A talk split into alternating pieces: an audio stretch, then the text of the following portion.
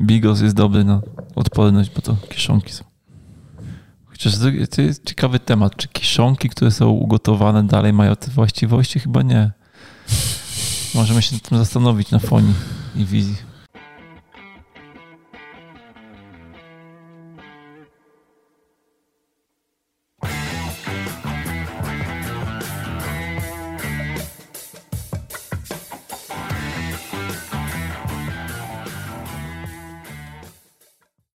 Dzień dobry. Dzień Jak się dzisiaj mamy? Świetnie. Ja cudownie. Kolejny poniedziałek e, i to już przyszedł czas na kolejny odcinek Fizjopaszy na podsłuchu. Tak. Ja Tak, 26 już. w związku z tym, że dziś mamy poniedziałek, a w czwartek Kuba mi zamontował drabinkę w gabinecie, to ja w dalszym ciągu jestem prosto zachwycony. Mam drabinkę w gabinecie. I co z drążkiem? I Nawet się podciągaliśmy z Ja Kubą. też się trochę jaram, bo będę mógł w przerwach się podciągać. Fajnie. Jak będzie pusty gabinet. Bardzo proszę, prowadźcie statystyki, ile razy uda wam się to zrobić w przeciągu e, najbliższego miesiąca. Dobrze. No ja dzisiaj już zrobię dwa podciągnięcia, ale Ja- na szerokim. Trzy. Ale nie ciągiem, tylko jedno, a potem O, to się Dwa. liczy.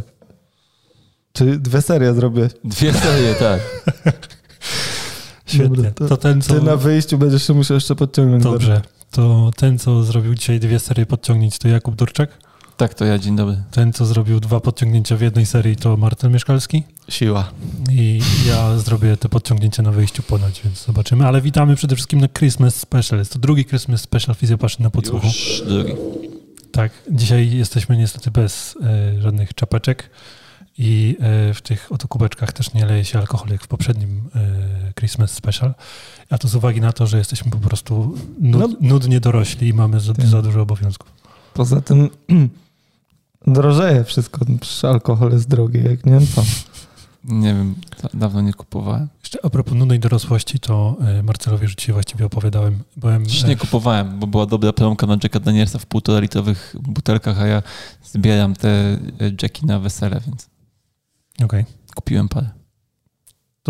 Kontynuując ten temat, który mi przerwałeś. Przepraszam. A propos tej nudnej dorosłości, to byłem dzisiaj e, w pasażu grunwaldzkim w poszukiwaniu pointera, bo oczywiście nie mam i obudziłem się z ręką w nocniku, że na jutro go potrzebuję.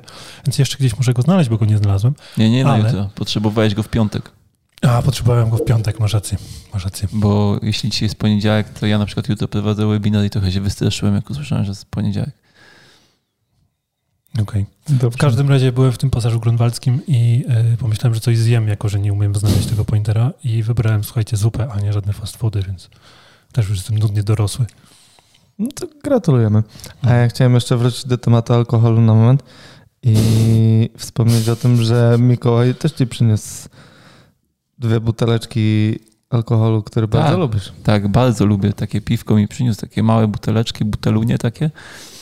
I? Takie bączki tak zwane. takie bączki tak zwane i one stoją w lodóweczce w garażu i czekają na jakiś dobry moment.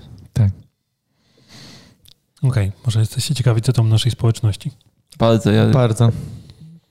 jakby to było widać, to byście widzieli, że przebieram stópkami pod stołem. E, Myślę, że marnego Tak kochanka na drugim końcu tęczy zostawimy sobie na sam koniec.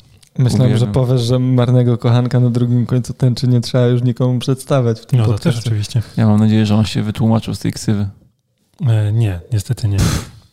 E, natomiast Kasia pisze w odniesieniu do poprzedniego, nie poprzedniego, e, do, do 24 odcinka, że e, długi, ale ciekawy podcast, ale po prostu obejrzała na ratę i tak sobie z tym poradziła. Bo mieliśmy to. Zastanawialiśmy się, czy nie. Ale nie wiem, czy Kasia wie, że jakby wszystko, co jest przed ale jest Tam nie było. A, Nieistotne. mhm, Rzeczywiście. Ale no i długie jest nieistotne, bo jest długie, ale ciekawe. No to dobrze w sumie, nie? To jak ci ktoś mówi, nie? że bardzo ciekawe było twoje wystąpienie, ale to tak naprawdę chciał ci powiedzieć tylko to, co było po ale podobno. Mhm, no to. Yy, Tam to wcześniej miało tą- cię złagodzić, nie? Idąc, yy, podążając za tą logiką, to Kasia mówi, że było ciekawie. No super, Dziękujemy, Kasiu. się Kasiu. Zwinny YouTube. E, powiem tak. Życzę sobie tego i bardzo bym chciał kiedyś tak swobodnie żonglować modrym podejściem do pacjenta jak wy. Bardzo fajnie się w was słuchuje. Pozdrawiam. To bardzo jest miłe. Tam było mądrym czy modrym? Modrym, modrym. Mądrym. Bo po przeczytaniu ostatniego maila bez wątpliwości. To może się pochwalić, jakiego maila dostałeś. Nie, może lepiej nie. Ale tak w skrócie chociaż. On takiego mocno Taki, nie po polsku. Był, tak. Myślę, że albo to było jakby No czy słownik napisał prawdopodobnie słownik tego napisał. maila, nie? Słownik. Ja Ja- ostatnio miałem jakąś... Poza tym ustaliliśmy, to był telegram, a nie mail. Tak. E, zamiast stóp było napisane stop, więc brzmiało to po prostu jak telegram rzeczywiście. Witaj Darku, stop. Co u ciebie? Stop. Coś miałeś ostatnio. Tak, miałem ostatnio właśnie, coś mi śmiesznie poprawił słownik. E, co to było do Natalki? Coś pisałem. E, może sobie przypomnę, potem to jeszcze to przytoczę, bo to naprawdę śmiesznie wyszło. Co on narobi ludziom w tym podcaście nadziei Tak, zawsze. tak. Dobra. moment, to nie to. Zanim Darek się ogarnie, to ja wam powiem, że też wam kiedyś powiem coś śmiesznego. Dzisiaj miałeś trochę stand-up, jak... y, sorry, w czwartek miałeś trochę stand-up, jak byłeś po wkręty w sklepie, nie? Tak, no. E, Mówiłem już Darekowi, że pan w sklepie ze śrubami po prostu robi stand-up i e, no, jakby ciekawie się tam kupuje śrubki. Tak. Ale trochę go też podpuściłem, nie? Trochę, trochę go sprowokowałem, bo poprosiłem, żeby mi wystawił 8 faktur na 8 śrub, nie? W sensie fakturę osobną na każdą śrubę. Spotkało Płatne się to, przelewem. płatne przelewem i spotkało się to z dość radykalnym odzewem z jego strony. Okej. E, Michał bardzo nam gratuluje rocznicy, e, w sensie podcastu naszego. I mówi, że bardzo dobrze nas się słucha i oby tak dalej. I najbardziej bawi go zakrzywienie czasoprzestrzeni, jakie powodujemy. I Czyli w tym odcinku już się udało. Tak. Tak, już się udało. E, I teraz jeszcze nawiązuję do tego chłopca, którego e, przyjmował, w sensie zasnął? pacjenta. Nie, chyba nie zasnął, a tam była klatka szewska i atopowe zapalenie skóry. A, nie wiem, tak. czy pamiętacie taką historię. Tak, tak, tak, tak. I uwaga, teraz będę czytał. Jeżeli chodzi o tego chłopca, to jego mama mówiła, że przez dwa tygodnie było lepiej, nawet ze strony objawów skórnych. Zmiany były zdecydowanie mniejsze. Sam chłopiec mówił, że mniej się męczy, a gra na trąbce. W badaniu wszedł bardzo podobny wzorzec napięciowy. Napięcia miały mniejsze nasilenie, ale były zlokalizowane w tych samych miejscach, zwłaszcza w obrębie prawego dołu biodrowego, co odbiera, co Michał odbiera jako od, od aktywny proces zapalny w ciele który po terapii, e, w sensie to napięcie, nie było wyczuwalne. Chłopiec na chwilę obecną poszedł do szpitala na poszerzoną diagnostykę i odezwał się potem. W trakcie wizyty wyszło też, że sytuacja rodzinna jest nieciekawa. Rodzice są po rozwodzie i mieszka tylko z mamą, chociaż każda wzmianka o ojcu powodowała w nim żywe, pozytywne reakcje. W związku z tym pytania dwa. Czy dobrze odbieram fakt aktywnego procesu e, AZS na wzorzec napięciowy? Brakuje gdzieś czasownika, ale okej. E, No więc tak. No czy- ja rozumiem to. No. Myślę, że Malter też. To co powiecie na ten temat? Mm, ja myślę, że to może działać w dwie strony, bo AZS można potraktować też jako objaw, więc e, nie wiem, czy to AZS wpływa na wzorzec napięciowy, czy wzorzec napięciowy powoduje na przykład nasilenie AZS-u. Znaczy, ja bym był za tą opcją, że AZS jest z objawem po prostu. No tak, natomiast Znaczy, no mogą to być często dwie kwestie, nie? Czyli po pierwsze jakiś na przykład systemowy problem metaboliczny, który ze względu na e, lokalny wzorzec napięciowy mm, generuje objawy skórne w tych, a nie innych strefach, nie? Czyli jeżeli zmiany skórne pojawiają się w strefach objętych wzorcem napięciowym, to może być tak, że te dwa czynniki się ze sobą gdzieś tam zazębiają. Może Natomiast być tak, albo może być na tyle nasilony proces globalny, ym, może być na tyle nasilony proces globalny, który y, bez jakby lokalnych objawów w miejscu objawów, mhm. mimo wszystko będzie tam powodował objawy z uwagi na to, że na przykład szczególnie przy AZS-ie bardzo często są to obszary, które mają e, ograniczone powiedzmy parowanie, bo to jest często na zagięciach skórnych i tak dalej, więc ten proces wydalania przez skórę odbywa się tam w troszeczkę y, inny sposób niż na reszcie ciała. Więc to niekoniecznie musi być lokalny proces Napięciowy. zlokalizowany w tym miejscu, natomiast prawdopodobnie jakiś proces lokalny jest, mniej lub bardziej, em, tylko może być na przykład obejmować układ pokarmowy w tym momencie, nie? żeby spowodowało to globalne objawy. E, Ale z drugiej strony takie atopowe zapalenie, chociaż atopowe zapalenie skóry, żeby powodowało jakiś wtórny wzorzec napięciowy, to nie do końca umiem sobie wyobrazić taką sytuację chyba.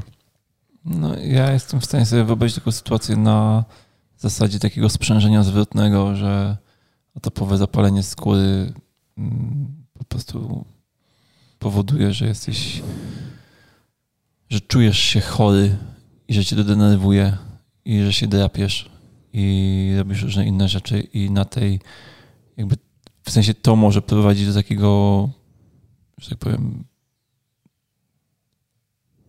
emocjonalnego przeciążenia. Okay, w sensie, że to okay. może być takie samo nakręcające się koło, że z jednej strony masz atopowe zapalenie skóry, którym się nakręcasz i jakby jeszcze bardziej dociążasz sobie organizm samym tym, to że... Widzisz, to dobrze, to, to nawiązujemy jeszcze do tego drugiego pytania. E, jak może mieć na to wpływ sytuacja rodzinna? No właśnie tak, nie? Czyli generalnie każdy wzorzec, każdy bodziec stresowy bez względu na pochodzenie tego bodźca może powodować powstanie wzorca. Czy to będzie wzorzec fizyczny, tkankowy, czy wzorzec emocjonalny, który potem się przełoży. No tak, a szczególnie jakby przy, przy tych procesach gdzieś tam autoimmunologicznych ma to dość spore przełożenie, nie? A myślę, że atopowe zapalenie skóry możemy poniekąd zaliczyć do, do tego typu procesów. No myślę, że nie poniekąd. Myślę, że znaczy, generalnie takie procesy zapalne, yy, musimy pamiętać o tym, że nawet jeśli proces zapalny toczy się lokalnie, to każdemu procesowi zapalnemu towarzyszy odpowiedź immunologiczna. Teraz pytanie, na ile ta odpowiedź immunologiczna będzie nasilona, nie? bo objaw AZS-u może być nasilany przez mm, niewłaściwą odpowiedź immunologiczną, niewłaściwą w tym sensie, że Wygórowaną. Wygórowaną, dokładnie, i, i stąd jakby objawy skórne u pacjenta. Nie? Natomiast zapalenie może dotyczyć faktycznie jakiegoś tam obszaru, na przykład w obrębie układu pokarmowego. Jeśli, jeśli Michał wspomina, że to jest okolica prawego dołu biodrowego, no to jest taki obszar dość istotny, jeśli chodzi o oczyszczanie układu pokarmowego, nie? bo kątnica, jeśli chodzi o kwestie mm, no, oczyszczania naszego organizmu z różnych niepotrzebnych mu, że tak powiem, substancji pełni dość kluczową rolę tutaj. Okej, okay, okej. Okay. Ja w ogóle bym traktował AZS jako globalny problem objawiający się lokalnie, miejscowo, mhm. a zawsze tam, gdzie masz lokalny, pro, e, globalny problem, szczególnie jeśli jest on niespecyficzny, tak jak AZS, e, wszędzie tam, gdzie masz do czynienia z autoimmunologią, e, no to myślę, że trzeba po prostu popatrzeć, w których obszarach życia tego pacjenta jest coś do zrobienia. No jakby w sytuacji, w której jest ewidentne obciążenie emocjonalne, no to jest coś, na co warto zwrócić uwagę, że dobrze by było, żeby w miarę możliwości tym zajęli. Tak samo jak trzeba zwrócić uwagę na kwestie jakby po prostu trybu życia, nie? No, czyli po prostu żywienia, Od, odciążyć, odciążyć tego, organizm na tylu, stanie... na, na, na, wszystkich możliwych płaszczyznach, nie? Czyli... Kwestia, gdzie jesteśmy w stanie zasoby zbudować organizmowi, nie? No i też myślę, że tutaj warto sobie ustalić taką strategię, że wiadomo, że jeżeli określimy, że ten organizm jest obciążony na e, poziomie nie wiem, odżywiania, aktywności fizycznej i na poziomie emocjonalnym i aktualnie na poziomie emocjonalnym nie jesteśmy w stanie za wiele zrobić, no bo jeżeli powiedzmy rodzice się aktualnie rozwodzą, no to no, będzie to sytuacja jakoś tam obciążająca emocjonalnie dla dziecka, no to skupmy uwagę bardziej na tych obszarach, w których możemy coś zrobić, nie? I tam zróbmy więcej, czy maksymalnie dużo, ile możemy, nie? Si. To prawda, to prawda. Dlatego ja na przykład yy w pierwszym rzucie nie ingeruje pacjentom w dietę. Z uwagi na to, że to nie jest wcale takie łatwe przedsięwzięcie zmienić swoją dietę. Mhm. I więc jeżeli uda się coś załatwić na tyle, powiedzmy, manualnie, że, że objawy znikną, to jakby oczywiście mówię o tym, że dieta jest lepsza taka lub siaka w tym konkretnym wypadku, natomiast no, z doświadczenia wygląda to różnie, jeśli chodzi o, e, o potem kroki, które podejmują pacjenci. Nie? Aczkolwiek uważam, że powiedzenie pacjentom, bo ja często tak mówię, że radzę wyrzucić przetworzone produkty z diety, te wysoko przetworzone po prostu i to jakby nie, czy samo ograniczenie tych produktów to już jest krok w dobrą mhm. stronę, nie? Przy czym no, jest to o tyle trudne, jeżeli chcielibyśmy to zrobić całkiem, że z mojego punktu widzenia no, mąka jest wysoko przetworzonym produktem, więc, więc myślę, że nie ma, jeśli ktoś nie ma jakiejś tam nietolerancji, to nie ma potrzeby wyrzucać zboża całkowicie z diety, aczkolwiek zboże w formie przetworzonej, czyli mąka, uważam, że jest do wywalenia i jakby zawsze z korzyścią, więc a to jest dla wielu osób trudne. Nie? No. A dla mnie to jest trudne choćby, nie? To są rzeczy, z których ja sobie świetnie zdaję sprawę, nie? Jak, jak działa, wiesz, produkty zbożowe, jak działają. Natomiast ja nie wyobrażam sobie życia bez chleba przede wszystkim. Nie ma, nie ma takiej możliwości. Wiesz co, są takie y, różne keto bułki i chlebki. Natomiast Ale czy to leży koło chleba, tak rzeczywiście? nie, Nie, nie, wiesz to co, jest paskudno. Nie, nie. Moja teściowa raz zrobiła jakieś takie bułki. Zresztą Justyna chyba też robiła te bułki, tak. Robiła takie bułki z jakieś tam z mąki migdałowej, jakiś tam babek i innych rzeczy i znaczy umówmy się, to nie smakowało jak bułka, nie? No, no. Natomiast można z tego było zrobić smaczną kanapkę, natomiast no to, to, to nie, to nie, to nie. Ja w ogóle, w ogóle mnie generalnie odstręcza ten pomysł, yy, że jeżeli przestaję coś jeść, to udaję, że jem to w jakimś zamienniku. Tak mnie, na maksa mnie bawią żebelka dla wegan, nie? No jak postanowiłeś, że nie jesz mięsa, no to po co chcesz jeść coś, co jest nazwane żebelkami? Wiesz o co chodzi? No, wiesz, To tak jak właśnie ja bym zrobił... To, no, mo, może, nie? No to tak jak ja bym zrobił, wiesz, jakieś placki...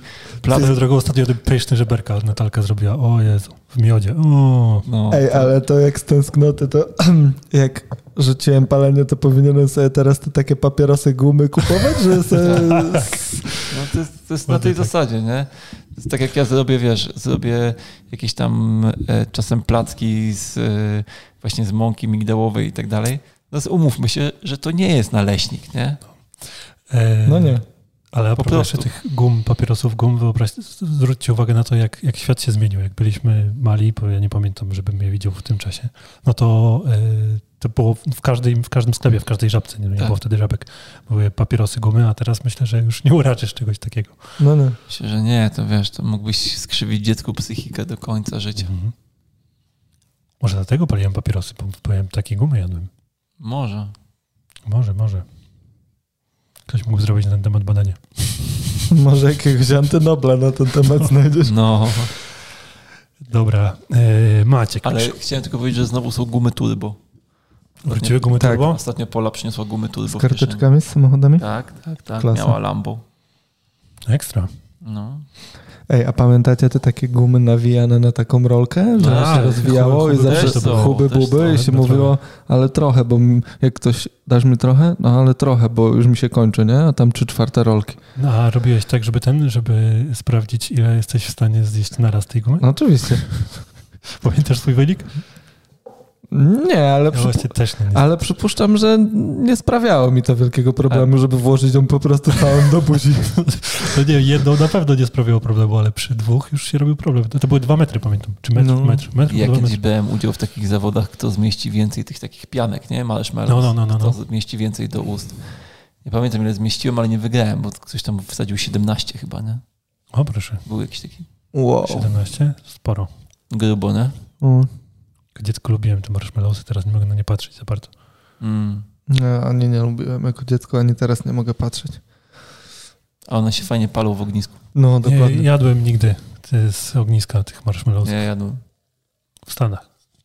W Polsce też. W Polsce też. Kiedyś chciałem dzieciom zrobić fajówę i im pokazałem, że można podpalić piankę i zjeść spaloną. Klasa. Super. Klasa sama w sobie. Pożywna kolacja. Dobra, e, drogi Kubusiu, Maciek ma dla Ciebie odpowiedź, bo zastanawiałeś się, jak No, no, to no, jest no, no. z e, autorami, jak to jest Z badaniami, z że... badaniami i że ile tych autorów się podaje Mhm, i tak mhm, dalej. mhm. No więc Maciek, e, czy Kuba, nie dobrze, Maciek odpowiada gdzieś e, wokół tego tematu. Nie wiem, czy tak jest na całym świecie, ale mnie uczono, że w pracach naukowych pierwsze jeden, trzy nazwiska to faktycznie twórcy pracy, a reszta to zwykle ludzie, którzy w jakiś sposób pomagali w badaniach. Na przykład użyczyli pracownię, zrobili statystykę. Na końcu wpisuje się nazwisko kierownika katedry za- zakładu, w którym były wykonywane badania, bo to on jest de facto szefem całego zespołu naukowców. Mam nadzieję, że pomógł. Bardzo dziękuję Maćku. Bardzo Czy, dziękujemy. czyli szefem e, katedry jest zazwyczaj pan o nazwisku et al.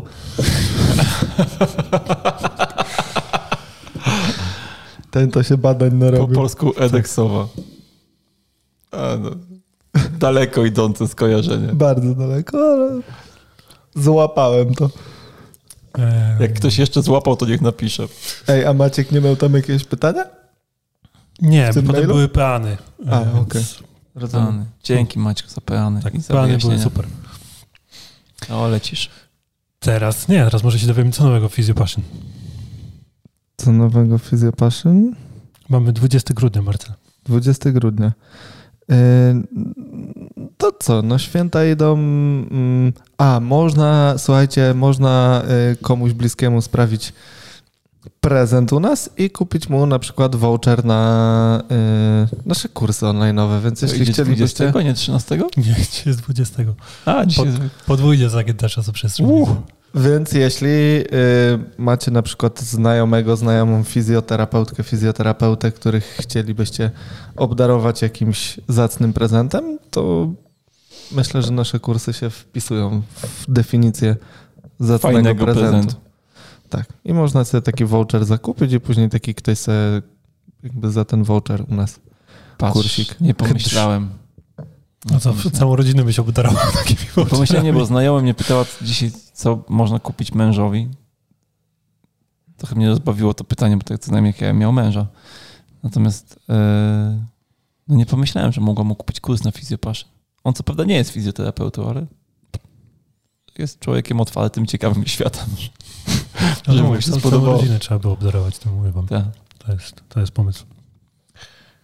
Em, dobra, no niestety nasz kącik społecznościowy kończy się A komentarze dzisiaj. na YouTubach? A komentarze na YouTubach już były. O, właśnie widzisz, zapomniałbym o marnym kochanku na No drugim końcu tęczy. Dobrze mi przypomniałeś.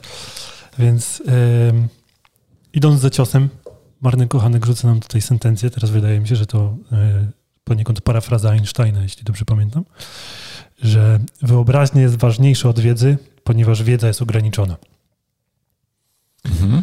I znowu, nie wiem gdzie przypiąć to, natomiast jest to komentarz z naszego poprzedniego odcinka, 25, gdzie mówimy o komarach, serze stopach i dynamice w terapii. Więc nie wiem do końca.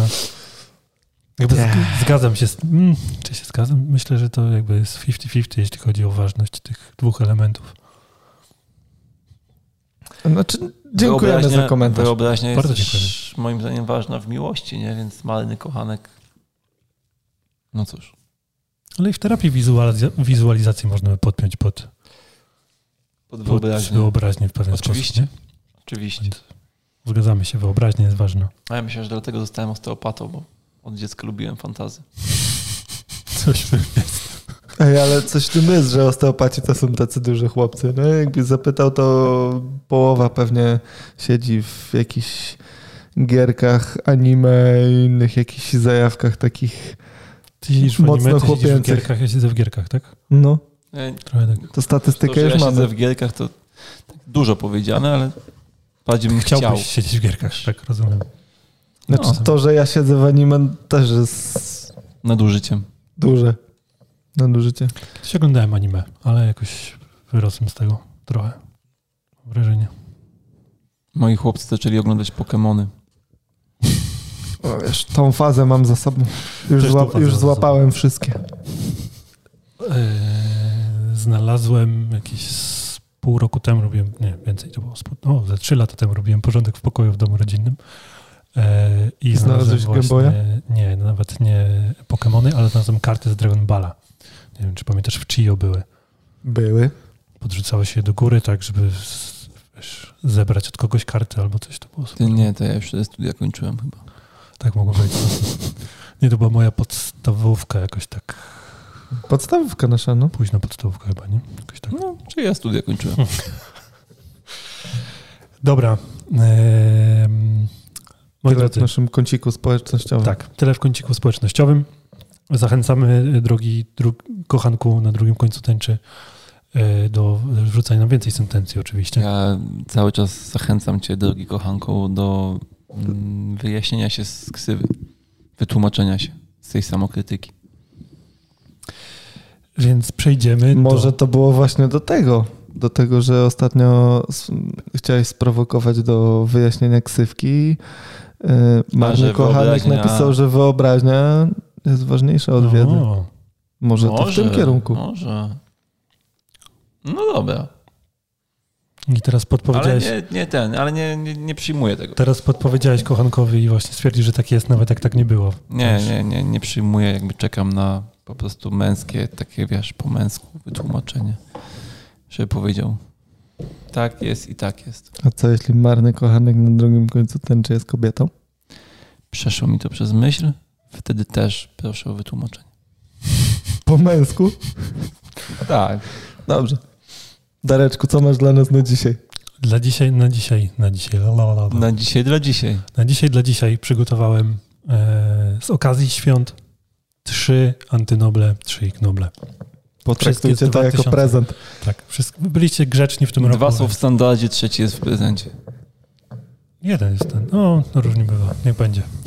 W każdym razie, prezentowe noble to z dziedziny chemii, literatury i matematyki. Uuu. Matematykę zostawimy sobie na koniec. E, Rozumiem, że jak mawia klasyk, truskawka na torcie. Truskawka na torcie, tak jest. E, natomiast i, tą matematykę zgłębiłem troszkę bardziej, na czym to polegało, a e, tutaj przytoczymy tylko autorów i świetne tytuły. I tytuły. Tak, świetne tytuły, naprawdę. E, no może z tej chemii coś. To czego chcielibyście zacząć? Od chemii czy od literatury? Chemia. Chemia. Więc w 2006 roku została ta nagroda przyznana panu Antonio, mm, no, Antonio Mole, Jose Javier Bendito i Jose Bon. A kto był kierownikiem katedry? Etol. Boże, jaki śmieszny ten odcinek. Dobra, i teraz em, ci panowie, bądź ci państwo stworzyli, chyba ci panowie stworzyli pracę e, o tytule Prędkość ponaddźwiękowa w serze cheddar i wpływ temperatury na tę prędkość.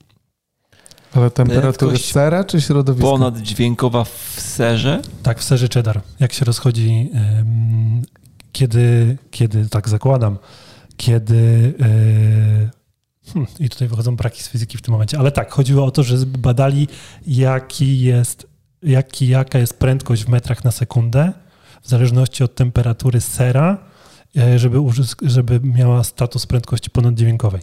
I w zależności od temperatury sera ta prędkość się zmienia. Ja nie rozumiem. Ja też nie do końca. Ale co się porusza z tą prędkością? No, fala dźwiękowa. Tak zakładam. No, Okej. Przepuścili falę przez Rozumiem. Nie, no ser. jak fala dźwiękowa w- z prędkością ponaddźwiękową, ale bzdury gadamy teraz, to. No właśnie, no bo jeżeli jakby badają prędkość, to rozumiem, że coś się rozchodzi. No nie no, fala musi się rozchodzić w tym serze, tak? Czy co? Czy ser rozpędzili do... rozpędzili go do takiej prędkości, że zaczął śpiewać. Dariusz, jak to było z tym serem? Darek. No I- właśnie czytam. I, I skąd u ciebie to upodobanie do serów? Bo to już drugi Tak, odcinek to z rzędu z serem. To, to nie moje upodobanie do serów, to e, Antynobliści. antynoblistów. Natomiast Kuba, tyle co ci mogę powiedzieć, nie? To, że w Tyle temperaturze, w temperaturze 0 stopni.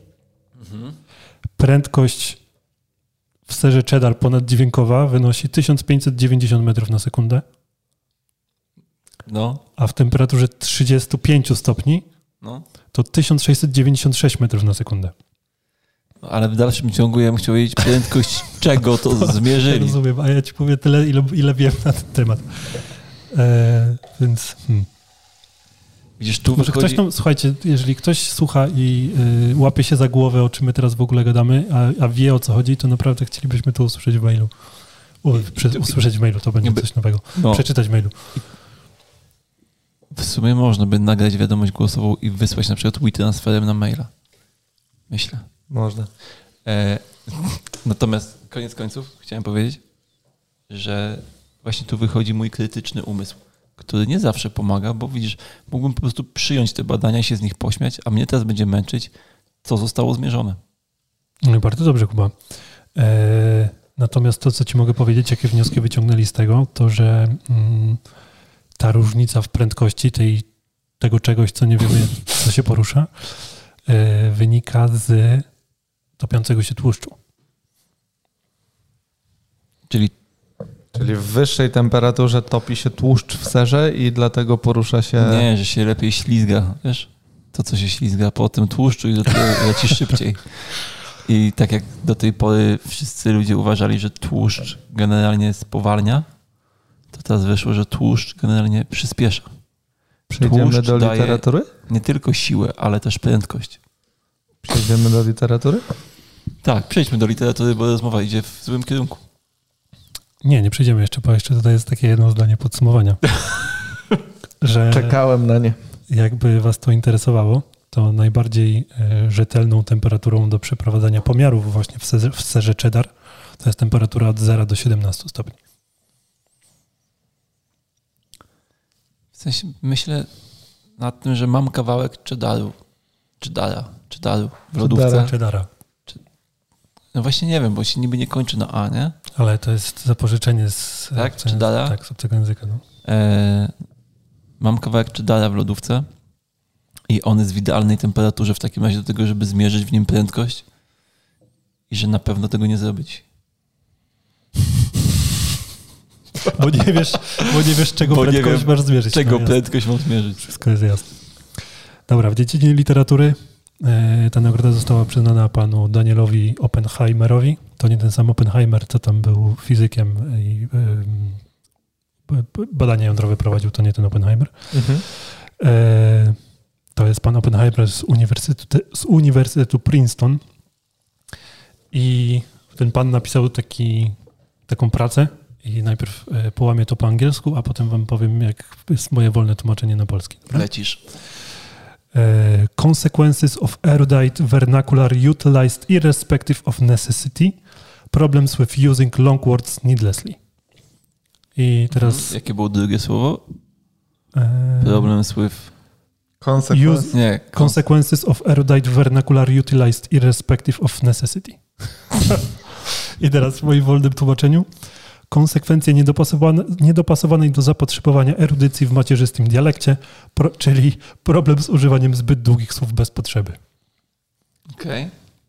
E, To tyle wiem o tej pracy tak naprawdę, ale sam tytuł mnie urzekł, no ale stwierdziłem, że w sumie to nie jest nasza e, area of expertise, żebyśmy tu o literaturze dyskutowali teraz. Prawda?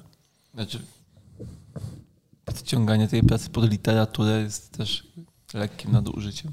Chyba. Czemu tak myślisz? To, to jest o werbalizacja, nie o literaturze tak naprawdę.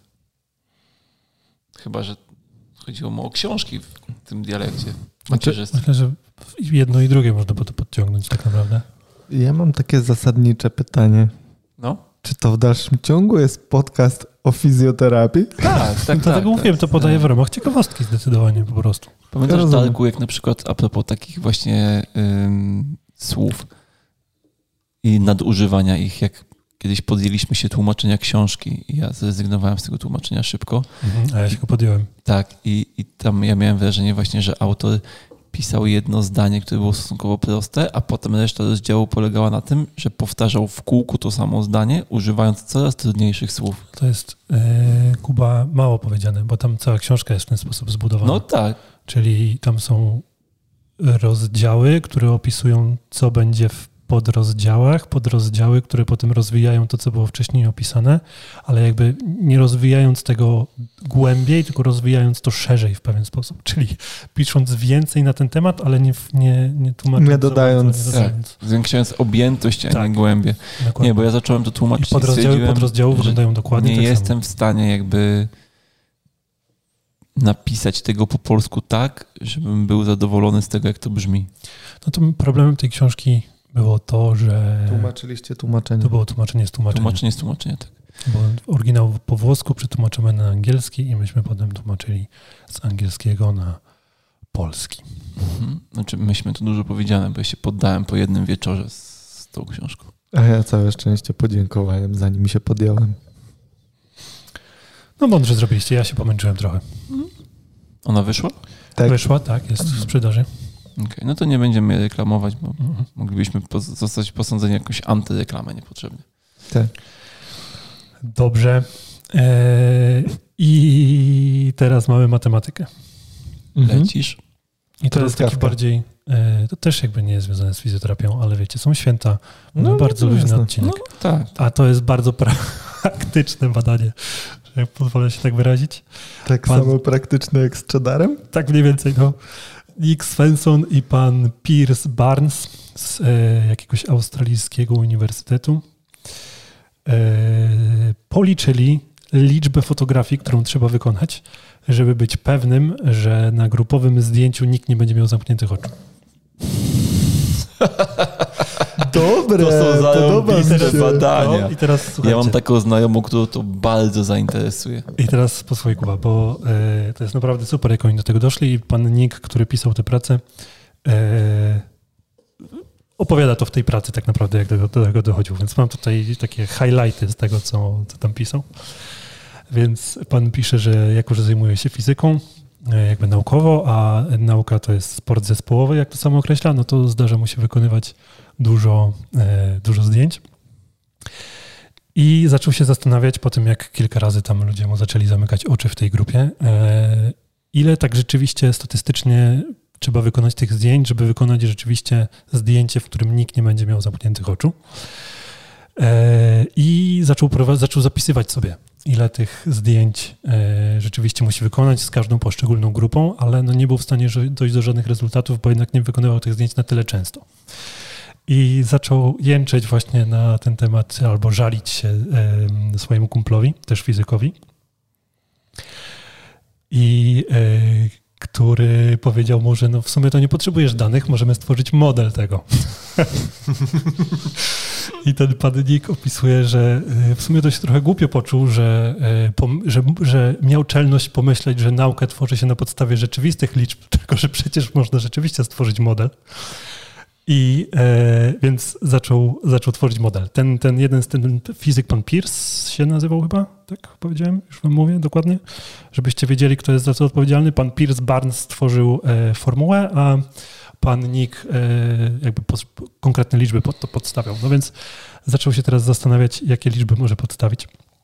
I okazało się, że tak, że przeciętna osoba w takiej lekko stresowej sytuacji, powiedzmy, jaką jest wykonywane zdjęcie, powiedzmy, że nie czujesz się komfortowo najczęściej, ludzie się nie czują komfortowo, jak im się robi zdjęcia, e, to Czasem naj, mam wrażenie, naj, że niektórzy się czują zbyt komfortowo. najczęściej e, mrugają, kilka takich profili na Instagramie. najczęściej e, mrugają około 10 razy na minutę ludzie w takich sytuacjach. To jest A to oczywiście słyszałem założenie. gdzieś kiedyś. No. E, To średnie... ja wam mogę podpowiedzieć, że to jest średnio co 6 sekund. Nieźle, Kuba. Ś- E, średnie trwanie e, mrugnięcia. Wiecie, ile trwa? Pół sekundy. 250 milisekund, czyli ćwierć. Ćwierć. Mhm. Ćwierć. Ćwierć sekundy. To jest Od pełnego otwarcia do pełnego. sekundy na minutę masz zamknięte oczy. Jak ona szybko liczy. Ja, to- to- Stary. E, natomiast jak to się nazywa? Shutter to jest migawka? Migawka Tak. chyba. Migawka jest otwarta przy dobrym świetle przez 8 milisekund. To krótko. Krótko. Ale to akurat jest zaleta. W, w momencie, kiedy chcesz wykonać No, zdjęcie. tak, jak tak. Ktoś, tak. E, no i Czy 90 sekund na godzinę masz zamknięte oczy? Czy półtorej minuty razy 24? No, półtorej minuty, raz 24, no to No. masz 30 minut. Pół godziny Pół dziennie masz godziny masz oczy. zamknięte oczy? Myślę, że to jest najlepszy wniosek, jaki wyciągniemy z tego szok. badania. Zapomnie, Szok i niedowierzanie. zapomnieliście O policzyć spaniu. spanie, no. To policzmy razy 18, nie 24. No to 20 minut, no powiedzmy. Szok. Dobrze, nie jednorazowo. Jakbyś miał na przykład w środku dnia taki moment, że wiesz, że teraz jest ten czas i wiesz, jak nie dojedziesz do pracy, to zamkniesz oczy 5 minut przed dojazdem, bo utknąłeś w korku. No i albo jedziesz na ślepo, albo czekasz. To w ogóle mogło, można by z tego zrobić jakiś scenariusz jakiegoś filmu science fiction, że nagle coś takiego się popierniczyło jakby ludziom, że tak to działa teraz. Że nie mrugasz, tylko zamykasz oczy na 20 minut dziennie. Jak Albo, wyglądałby e, świat? Awansem zamykasz na 20 minut dziennie, żebyś potem nie musiał mrugać. Jak wyglądałby świat? I patrz, pa, wiesz, wiesz w jakich sytuacjach byś to wykorzystywał? Wykorzystywałbyś to w sytuacjach, jak idziesz do kina i nie chcesz przegapić ani, wiesz, milisekundy z tego filmu. Tak, To ale są wcześniej- też takie badania psychologiczne, które mówią, że mm, generalnie mamy mniejsze zaufanie do ludzi, którzy nie mrugają. Wiesz, jeśli z kimś rozmawiasz i on w trakcie no. rozmowy nie mruga, nie ufam. Okej. Ja właśnie mam taką znajomą, która robi zdjęcia, robi ich bardzo dużo, mega dużo, robi ich za dużo i za często i No to daj mi tutaj dokończyć A, i powiesz dokładnie, jaki ten. Tak jest. no, E, No i on wtedy stwierdził, że trzeba policzyć po prostu prawdopodobieństwo, e, jakie będzie z tego robienia tych zdjęć, kiedy się to uda rzeczywiście. E, No ale licząc prawdopodobieństwo, trzeba wziąć pod uwagę czynniki, jakie będą wpływać na to prawdopodobieństwo. na przykład wiatr. Na przykład, no ale widzisz, ten model jest mocno uproszczony, bo właśnie założyli, że nic nie wpada ci do oka, czyli wiatr też może wpaść do oka, że tak powiem kolokwialnie, No, więc zakładamy, że nie wpada ci nic do oka, to wtedy e, założenie jest takie, że mrugamy e, przypadkowo, w sensie random to jest przypadkowo. No. Jest jakieś lepsze słowo na to? nie. Więc e, mrugamy w przypadkowych odstępach czasu. Mhm. Też jest bardzo z grubsza założeniem, z uwagi na to, że no nie klikasz, nie klikasz, nie mrugasz sześć razy Klikasz okiem. sześć razy, wiesz, szybko i potem przez minutę, nie? Dalej nie. Tylko w jakichś tam e, elementach. No ale mówię o tym po to, żeby wiedzieć, że ten model, e, no to jest naprawdę, Ma swoje ograniczenia. ma swoje ograniczenia, dokładnie tak. Eee, Okej. Jak każdy model. Czekajcie, no właśnie taki chciałem wniosek z tego wyciągnąć na koniec. To, Że sorry, tak zawsze za badamy. spoiler. Czekajcie jeszcze sekundę. Aha, no i potem tu jest wyliczony cały taki wzór, że od czego zależy, no ale może tego nie będę dokładnie podawał. W każdym razie em, Wynik. już moment. E, W każdym razie chodzi, o, chodzi mi o to, że za każdą osobę, która jest na zdjęciu, szansa, że to zdjęcie się nie uda, jest podniesiona do kwadratu. Okej. Znaczy, y, o, znaczy za jedną osobę do kwadratu, jeżeli są dwie osoby, za trzy osoby już jest to sześcianu i tak dalej, i tak dalej, i tak dalej. Więc jest to No. zmienna wykładnicza, tak to się Czyli nazywa? ilość osób warunkuje Ale- potęgowanie. No tak, ale Tak. ten model nie bierze pod uwagę tego, że ludzie się przygotowują do zdjęcia. Tak, to prawda. W sensie, że robimy zdjęcie, uwaga, i wszyscy się pilnują. Bo Poczek- już nie chcą tam stać i czekać sekundę. na tego fotografa. I em, mhm, mhm, mhm. No i teraz tak. Zrobił z tego, narysował z tego normalną, e, krzywą normalną, rozkład normalny, czyli tą krzywą w kształcie Krzywą dzwonu. Gaussa. krzywą Gaussa, dokładnie tak. E, I na serię zdjęć masz taką serię zdjęć, która. Ja się bałem, że on powiedział na sel. Nie. I że znowu wróciliśmy do punktu wyjścia. Na, serii, na jakiejś tam serii zdjęć, e, zakładając jakąś tą liczbę, już tak naprawdę nieważne jaką, to na tym rozkładzie normalnym, na tym jednym końcu tej krzywej, będziesz miał wszystkie zdjęcia, które się nie udały. Mhm. E, Na samym środku masz 50% zdjęć, 5% zdjęć, które się udaje, 50% zdjęć, które się nie udaje. No. czyli na szczycie tego dzwona, Tak. krzywej Gaussa, a na takiej końcowej fazie będziesz miał em, większość zdjęć, które się udaje. Tak? Mhm. Więc e, ten pan chciał policzyć, ile trzeba wykonać zdjęć, żeby mieć 99% pewności, że Nikt będzie... nie mrugnie. Tak, nikt nie mrugnie. I teraz uwaga, podaję wyniki, więc Dajesz. możesz koleżance e, przekazać. Że jeżeli reklamuje, e, reklamujesz, Boże, co ja dzisiaj gadam w ogóle, fotografujesz 30 osób w złym świetle, potrzebujesz około 30 ujęć. Ujęć. Jeżeli 50 osób, nawet w dobrym świetle, to y, nadzieję na to, że uda ci się zrobić te, to zdjęcie, to możesz po prostu pożegnać. Natomiast tu jest ten problem i tak to był, miał, miał być mój wniosek na, na sam koniec właśnie z tego wszystkiego, że y, problem z tym modelem jest taki jak z każdym innym modelem. Jest to pewien rodzaj model, który zakłada pewne uproszczenia. I tutaj właśnie to, co ty, Kuba, właśnie podniosłeś wcześniej, że e, jest to up- uproszczone o tyle, że no nie, nie mrugamy względnie przypadkowo w momencie, kiedy wiemy, że ma nam się wykonać zdjęcie. A Czyli jest nadzieja dla fotografów ślubnych. jest nadzieja dla fotografów Potrzebujesz- ślubnych. Potrzebujesz kogoś takiego jak Sylwia. Sylwia, moja sąsiadka, koleżanka, która w momencie robienia zdjęcia grupowego robi się lekko agresywna. E, do tego stopnia, W sensie ona potrafi poprosić obcą osobę na ulicy, żeby zrobiła jej zdjęcie, na przykład z mężem i z dzieckiem, po czym tą przypadkowo poproszoną osobę potrafi opierdolić, że jest na przykład za dużo nieba na tym zdjęciu. I że ma to zrobić jeszcze raz. I no wiecie, gdzie jest... tu nogi ucięte? No? Ta, ale naprawdę, jest źle wykadrowane, po co jej tyle nieba na tym zdjęciu. I naprawdę ci przypadkowo jakby poproszenie o zdjęcie ludzie kalnie powtarzają te zdjęcia. To jest hit. Znaczy, mm, jakby mnie poprosiła o zrobienie jeszcze jednego zdjęcia bez krzyku, to ja też bym z chęcią zrobił takie zdjęcie. Jeszcze raz. No, tak. Natomiast jakby zaczęła na mnie krzyczeć, to chyba bym stanął okoniem mimo wszystko. No.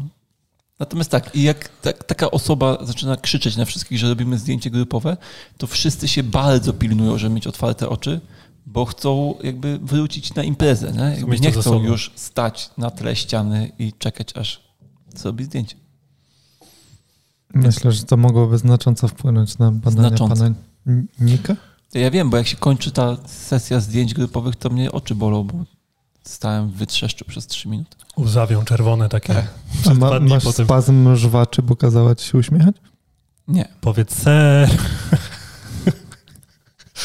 A propos serów, ale yy, więc taki ogólny wniosek jeszcze, który pan wysnuł z tego badania, to jest tak, że jeżeli macie grupę mniej niż 20 osób, to z grubsza dzielicie liczbę osób przez 3 i to jest liczba zdjęć, którą, yy, którą należy wykonać, żeby mieć 99% pewności. Okej. Okay. No to już bardziej mi się wydaje, że to jest takie bardziej adekwatne. Mhm. Yy, I, zakoń- I bardzo mi się podoba zakończenie tej, tej pracy właśnie. Kto powiedział, że fizycy nie pomagają w rozwiązywaniu codziennych problemów?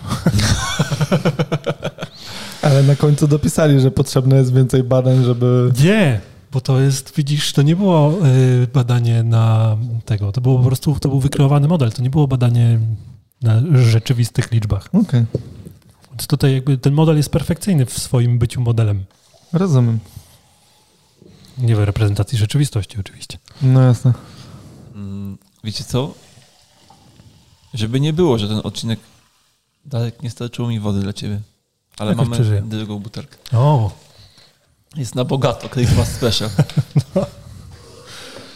A Staropolanka no, dalej do nas nie napisała, że chcą nas sponsorować. Coś zacząłeś mówić, Kuba. E, żeby nie było, że w ogóle jakby jesteśmy oderwani od tematu, wiesz, fizjoterapii, osteopatii i pracy gabinetowej, to ja bym powiedział dwa słowa o modelach. Proszę bardzo. Tak rozmawiamy o tym modelu zdjęciowym, no. że miałem takie przemyślenie. Model zdjęciowy, co już go nazwałeś. Tak, model, zdjęcio, model zdjęciowo-grupowy. E, że Max, nasz e, ukochany nauczyciel fizjologii, zachęcał nas do tego, żebyśmy przeczytali taką książkę Jurassic Park mhm. bo powiedział, że jest tam postać e, tego profesora matematyki, e, on jest matematykiem chaosu i że w filmie on tam odgrywa niewielką rolę, a w książce dużą. Z tą dużą rolą go trochę poniosło, nie? bo to jest raptem tam z 10 stron tych jego wypowiedzi w książce, która ma stron 500. Aczkolwiek to było ciekawe doświadczenie, bo dawno nie czytałem takiej jakby luźnej książki, w sensie takiej typowej peletrystyki. Natomiast te wypowiedzi faktycznie są bardzo ciekawe i jest tam właśnie o modelach Mm. I o tym, że jakby nauka sprawia, że w pewnym sensie kradniemy wiedzę, bo dostajesz, czytasz jakieś badania naukowe i jakby wnioski, które płyną z tych badań i przyjmujesz te wnioski jako swoją wiedzę, natomiast on tam twierdzi, że nie możesz jej przyjąć jako swojej wiedzy, ponieważ jakby nie znasz całego, pomimo tego, że przeczytałeś badania, to jednak nie znasz całego procesu, który doprowadził do wyciągnięcia tych wniosków. Znasz kontekstu całego. Nie znasz całego kontekstu, w związku z czym w pewnym sensie kradniesz wiedzę i ta wiedza jest bardziej ograniczona niż ci się wydaje. Mm, I jakby to było jakby takie bardzo ciekawe dla mnie. I sobie pomyślałem, że tak samo jest z modelami terapeutycznymi. O, to mhm. może być temat naszego odcinka, taki skrócony. Nie, że, że tak samo jest z modelami terapeutycznymi, że masz kogoś, kto poświęcił często całe życie, na przykład 30-40 lat swojego życia zawodowego na jakby szlifowanie swojego pomysłu na terapię. Nie? I on jakby szlifował ten swój model w oparciu o swoje badania anatomiczne, fizjologiczne, różne inne E, natomiast potem, jak chciał go uczyć, a często jest tak, że nawet że to, że chciał go uczyć, wyszło przy okazji, nie? Bo często jest tak, że ktoś po prostu wymyślił sobie jakiś sposób terapii i ponieważ był w nim skuteczny, to ludzie chcieli się tego uczyć od niego. Więc w pewnym sensie ludzie go sprowokowali do tego, żeby ubrał to w formę dydaktyczną, która siłą rzeczy musi być ograniczona, no bo ten swój, te swoje przemyślenia musiał ubrać w formę, którą można przekazać, więc musiał ją obciąć, poobcinać i stworzyć z niej model. I potem ludzie, którzy uczą się często tego modelu, w dodatku nie od twórcy modeli, modelu, tylko od jakby kolejnych często pokoleń jego uczniów, mają ten model coraz bardziej okrojony i na podstawie tego modelu wyciągają bardzo daleko idące wnioski, które mogą być bardzo dalekie od wniosków, które wyciągał twórca modelu. To, żeby teraz zobrazować to na przykładzie, e, jako przygotowywałem się z, przygotowałem teraz szkolenie z pozycyjnego uwalniania, to usiadłem trochę do Jonesa i do Strain Counter Strain, do poczytania tej jego książki. I jest dokładnie Znalazłeś takie... pozycję komfortu dla siebie czytając te badania? tak, zdecydowanie tak. Natomiast e, to jest dokładnie tak, jak ty mówisz. Na przykład, nie wiem, czy pamiętasz, jak wyglądały nasze zajęcia ze Strain Counter Strain? Nie. No ja bym teraz w sensie mi się chwilę, te kursy zlewają. Chwilę no, temu akurat miałem w Akademii zajęcia z Natomiast myśmy mieli jeszcze z, pod, pod banderą OSD wtedy i przyjechała mhm. taka pani, która e, po, pokazała nam punkty. Dany punkt uwarnia się w danym kierunku mhm. i e, tych punktów Jones ma ich ponad 200, a myśmy ich zrobili 170 kilka, jeśli dobrze pamiętam, w 3 dni. Okej. Okay. Nie? I, I każdy trzymaliście 90 sekund? A jak? Tak. Jeżeli znalazłeś tylko jakieś, to trzymałeś 90 sekund. szybko przebić, czy to było możliwe. tak, tak. Ale nie, pamiętam, że ona nam no. pokazała wtedy 170 punktów. Natomiast jeżeli weźmiecie sobie Jonesa jego książkę, to on przede wszystkim e, opisuje to w ten sposób, że on znalazł mapę 200 punktów i to nie są wszystkie punkty. To są punkty, które się najczęściej pojawiają w terapii. To jest jedna rzecz, mhm. czego jakby nigdy na przestrzeni pozycyjnego uwalniania i ich wariacji nie usłyszałem tak naprawdę, tylko y, jakby to było moje założenie, że tak musi być, natomiast nikt o tym nie rozmawiał.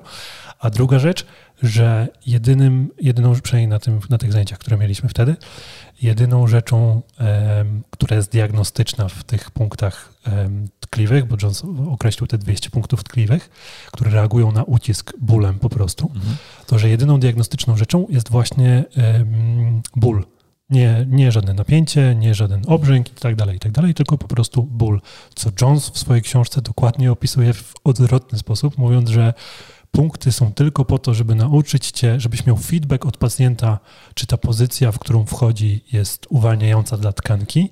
Natomiast jeżeli przepracujesz wszystko inne, co się w tkankach dzieje. Przepracujesz to odpowiedni, odpowiednio długi czas, żeby zacząć zbierać ten feedback i żeby twoje ręce się nauczyły tego, to właściwie nie potrzebujesz feedbacku od pacjenta w żaden sposób.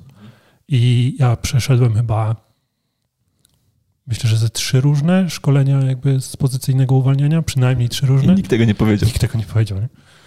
No tak, Są... bo to jest yy, metodycznie nie do pokazania, nie? No tak i, I, ja właśnie będę starał się to metodycznie pokazać mimo wszystko.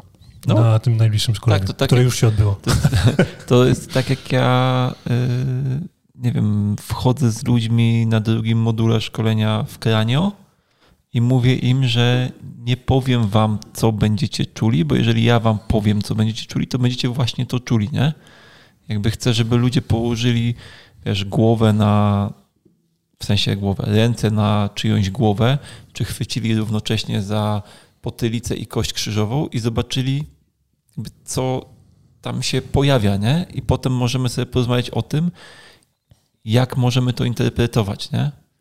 Bo myślę, że to jest jedyny sposób. Natomiast no, w, zresztą cała tak, jakby potem sobie o tym pomyślałem, jak przeczytałem tą książkę i pomyślałem o tym, że właśnie Max powiedział, że przeczytajcie sobie tą książkę, bo tam są jakby fajne, tam dużą rolę gra ten profesor matematyki i on tam mówi ciekawe rzeczy i tak dalej. No i w pierwszym momencie miałem takie, że kurde, przeczytałem no 500 stron książki o dinozaurach, w sensie o parku mhm. jurajskim, żeby przeczytać 10 stron wypowiedzi tego profesora. I jest to trochę rozczarowujące, że było ich tam tylko 10 stron, a potem sobie pomyślałem, że właśnie takie podejście gubi, nie? Że powinniśmy się uczyć właśnie w takim podejściu, że e, warto przeczytać 500 stron po to, żeby zwrócić szczególną uwagę na te 10, które, są, które jest istotnych, jakby i zastanowić się, dlaczego ktoś, kogo cenię jako, jako nauczyciela, jako mentora, yy, zachęcił mnie do tego, żebym spędził tyle czasu nad czymś, co mogłem zrobić dużo szybciej. Natomiast gdybym to zrobił dużo szybciej, to może nie wywarłoby na to na mnie takiego wpływu, może bym tego tak nie docenił i jakby nie przemyślał dogłębnie tego, dlaczego chciał, żebym to przeczytał, nie? Dlaczego? I może teraz byśmy o tym nie gadali, bo po prostu bym to przeczytał i o tym zapomniał, nie? Wiesz, jaką Dlatego... książkę mi Max kazał przeczytać jako pierwszą książkę na drodze nauki osteopatycznej? Wiem. Zbliżam się do niej. Jaką? Z żyrafą? Tak. O, o tym, dlaczego Jak... żyrafa ma długą szyję. Dlaczego żyrafa ma długą szyję. Okej. Okay. Książka nazywa się dosłownie Giraffe's Long Neck. Tak. No, ale e, no, w tym pozycyjnym uwalnianiu totalnie się zgadzam. Tak samo na przykład e, metoda mm, określana jako prawa Frejeta, nie? Mhm. Totalnie w życiu to do mnie nie docierało tak czysto praktycznie, bo pan sobie stworzył dwa prawa, nie? że jeżeli E, które głównie odnoszą się do odcinka piersiowego i lędźwiowego, że jeżeli staw jest, czy segment ruchowy kręgosłupa jest w pozycji neutralnej, to ruchy sprzężone zachodzą w pozycji takiej, że zgięcie boczne i rotacja są w przeciwnych kierunkach. A jeśli jest w zgięciu lub w wyproście ten segment, to że sprzężenie jest w tych samych kierunkach. Nie? to są badania, które pan Freyet prowadził e, palpacyjnie, bo nie miał dostępu ani możliwości technologicznych w swoich czasach, żeby to zbadać. I teraz on prowadził w odniesieniu do tego e, terapię, która pewnie cechowała się jakąś skutecznością, po czym przyszedł w którymś tam roku pan, który już nie miał na nazwisko Frejet, ale napisał trzecie prawo Frejeta, które jest związane z tym, że jeżeli jedna płaszczyzna ruchu w stawie jest zaburzona, to wpływa ona na zaburzenie pozostałych płaszczyzn ruchu w stawie. Nie? I okazało się, że sprzężenia są tak indywidualną kwestią, że nie jesteśmy w stanie jednoznacznie określić, czy w odcinku lędźwiowym te sprzężenia wyglądają tak, czy w odcinku szyjnym wyglądają tak, ale jeśli podejdziemy do tego na zasadzie takiej, że będziemy zaopatrywać terapeutycznie tą płaszczyznę, która wykazuje największy deficyt, to jest szansa, że uda nam się wpłynąć na poprawę ogólnej ruchomości tego segmentu we wszystkich płaszczyznach. Nie? Ja nie Ale wiem, czy to wiecie, jest prawo. To jest, e, mogę? No? E, to jest taka historia, że czytamy o pewnych modelach w książkach, tak jak o tych prawach Frajeta. Mhm. Ale koniec końców czytamy o tym, żeby troszkę rozbudować naszą wiedzę, ale celem końcowym jest to, żebyśmy byli w stanie się zająć tym pacjentem, którego mamy przed sobą. Mhm. No i teraz mam tego pacjenta przed sobą. Badam go i się okazuje, że wychodzi mi coś zupełnie odwrotnego niż widzę w prawach Frajeta, to, to co powinienem zrobić? Powinien pomyśleć, że kurczę. Czy źle badasz? Że źle badasz. No, jakby to jest jedna opcja, nie? I na początku swojej drogi to jest rozważnie pomyśleć, że pewnie źle badam. Natomiast jak już się ma trochę doświadczenia, no to już jakby nie idę w zaparte, że rzeczywistość kłamie, tylko no być może tutaj jest akurat coś zmienne, choćby i osobniczo, nie? Właśnie pomyślimy choćby o samych powierzchniach stawowych i o tym, jak one są zbudowane. To to już nam pokazuje, że, A, że to tak. może się zachowywać różnie. A ja bym zachęcał nawet początkujących terapeutów, żeby jednak szyli za swoim. W sensie takim, że y, oczywiście z zachowaniem wszystkich środków bezpieczeństwa, natomiast umówmy się, że większość technik, które stosujemy, to są techniki bezpieczne. I, y, a jeśli masz wątpliwości, czy technika jest bezpieczna, to nie rób tej techniki, zrób inną. Natomiast w dalszym ciągu ja bym namawiał do tego, żeby od początku iść za swoim, że jeśli masz wrażenie, że powinieneś zrobić coś, co się nie zgadza z Twoją wiedzą, to zrób to i, i sprawdź. Znaczy, o ile czujesz się bezpiecznie, to spoko, nie? To tak, spróbuj. o, tak, o ile czujesz się bezpiecznie, oczywiście, no to jest podstawa. Natomiast yy,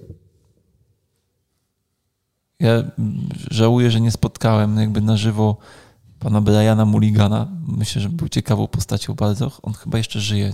Nie wiem, bo jakby się nie interesowałem od dawna. No nie, bo jak ja się... Wiem, ale właśnie go ośmierciłeś, mówiąc, że był ciekawą No wiem, przepraszam, postacią. przepraszam. Mam nadzieję, że dalej jest. Natomiast pamiętam, że to już był mocno starszy człowiek. E, Darek zaraz to sprawdzi.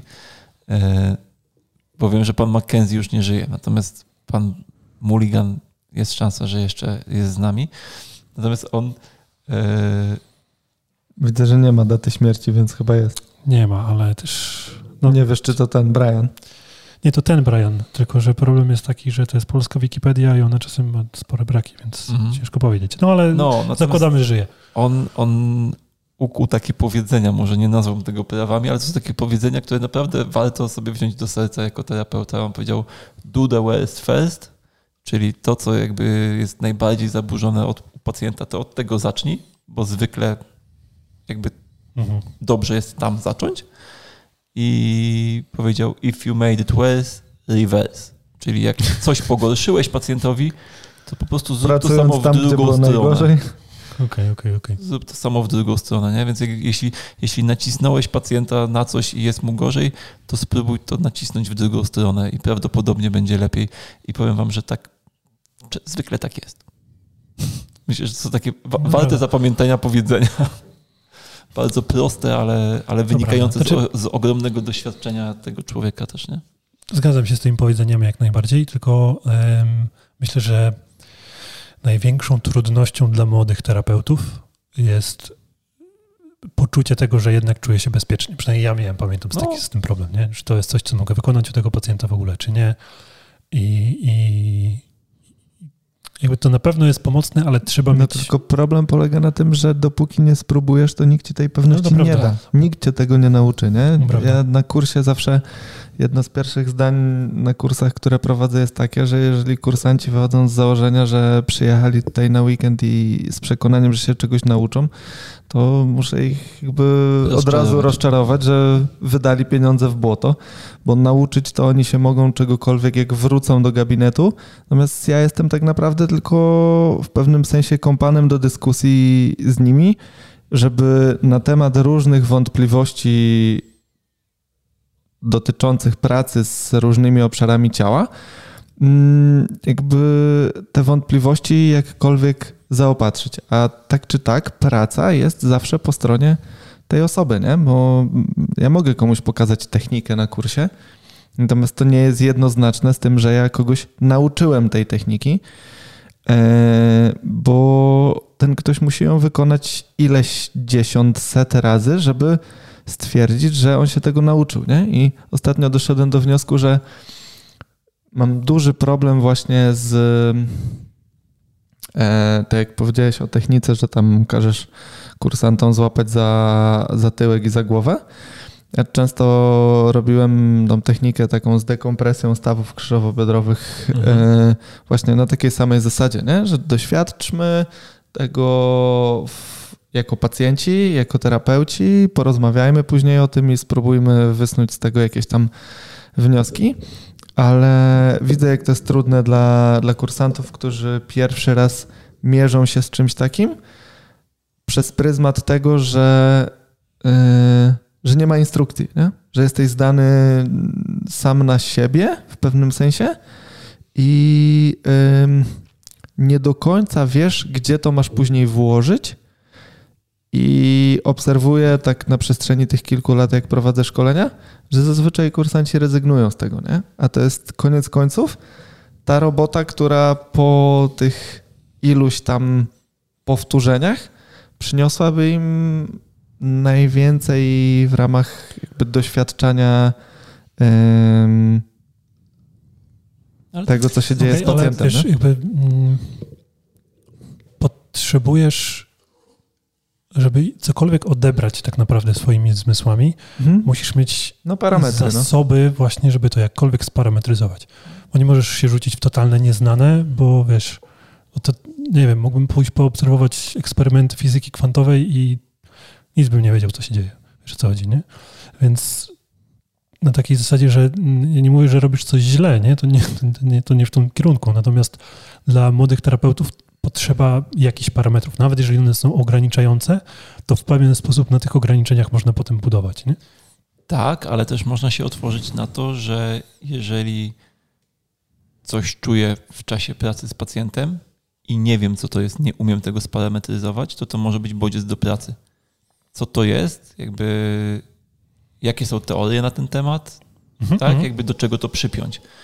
Więc moim zdaniem to może być też takie No i To jest rozwoju. moim nie? zdaniem ta praca, którą kursant musi wykonać, żeby, yy, no, żeby się czegoś nauczyć na bazie szkolenia. Nie? No wiesz, to jest, mm, to jest bardzo trudne. To jest to, z czym jakby o czym z Darkiem już chyba w dwóch ostatnich odcinkach też rozmawialiśmy, że to jest ta subiektywność, o której ja cały czas mówię, nie? że terapia koniec końców jest subiektywna, to są twoje odczucia, to jest twoja ocena, natomiast niestety, ale za tą subiektywnością i za tym, że to ja decyduję o tym jakby jak zdiagnozowałem i co będę robił z pacjentem i co to jest, co ja czuję, no idzie odpowiedzialność, nie? że w tym momencie, jeżeli popełnisz błąd, no to nie możesz niestety już powiedzieć, że no w teście wyszło mi tak, więc tak zrobiłem, tylko no to była moja subiektywna ocena. Jeżeli zrobiłem błąd, to to jest mój błąd Mhm. i trzeba wziąć na siebie tą odpowiedzialność. I natomiast moim zdaniem dopiero w momencie, w którym pogodzisz się z tą odpowiedzialnością i zaakceptujesz, że ją bierzesz, jakby otwierasz zupełnie inny świat dla siebie, nie? jeżeli chodzi o terapię. No bo wiecie, im więcej, im więcej protokołów, tym więcej bezpieczeństwa tak naprawdę, No tak, a im mniej protokołów, tym więcej powiedzmy wolności w tym. W tym. ale im więcej terapii- protokołów, tym więcej wyjątków od tych protokołów Tak, oczywiście. i tym większe ryzyko, że wpadniesz w chaos. Oczywiście, oczywiście. Nie wiem, czy było słowo chaos, ale Ja No. bym użył. e, ja bym powiedział, że bardziej zastygniesz w tym protokole. Tak. No ale, e, a z drugiej strony właśnie im jakby mniej masz protokołów, tym masz więcej możliwości, ale żeby się odnaleźć w tych możliwościach, to jednak do tego potrzeba troszeczkę wiedzy, doświadczenia Natomiast tak co do, dalej, nie? tego, co do tych obaw i strachu, to ja jeszcze chciałem tylko powiedzieć, że pamiętajmy o tym, że jeżeli pracujesz powoli, to jest moim zdaniem jeden z najważniejszych parametrów, czyli pracując powoli, nie mam na myśli tego, że prowadzisz terapię przez półtorej godziny, tylko pracując powoli, mam nadzieję, że zresztą dzisiaj o tym rozmawialiśmy poza anteną, że yy, jeżeli chwytasz pacjenta, to jakby nie chwytasz go z całej siły.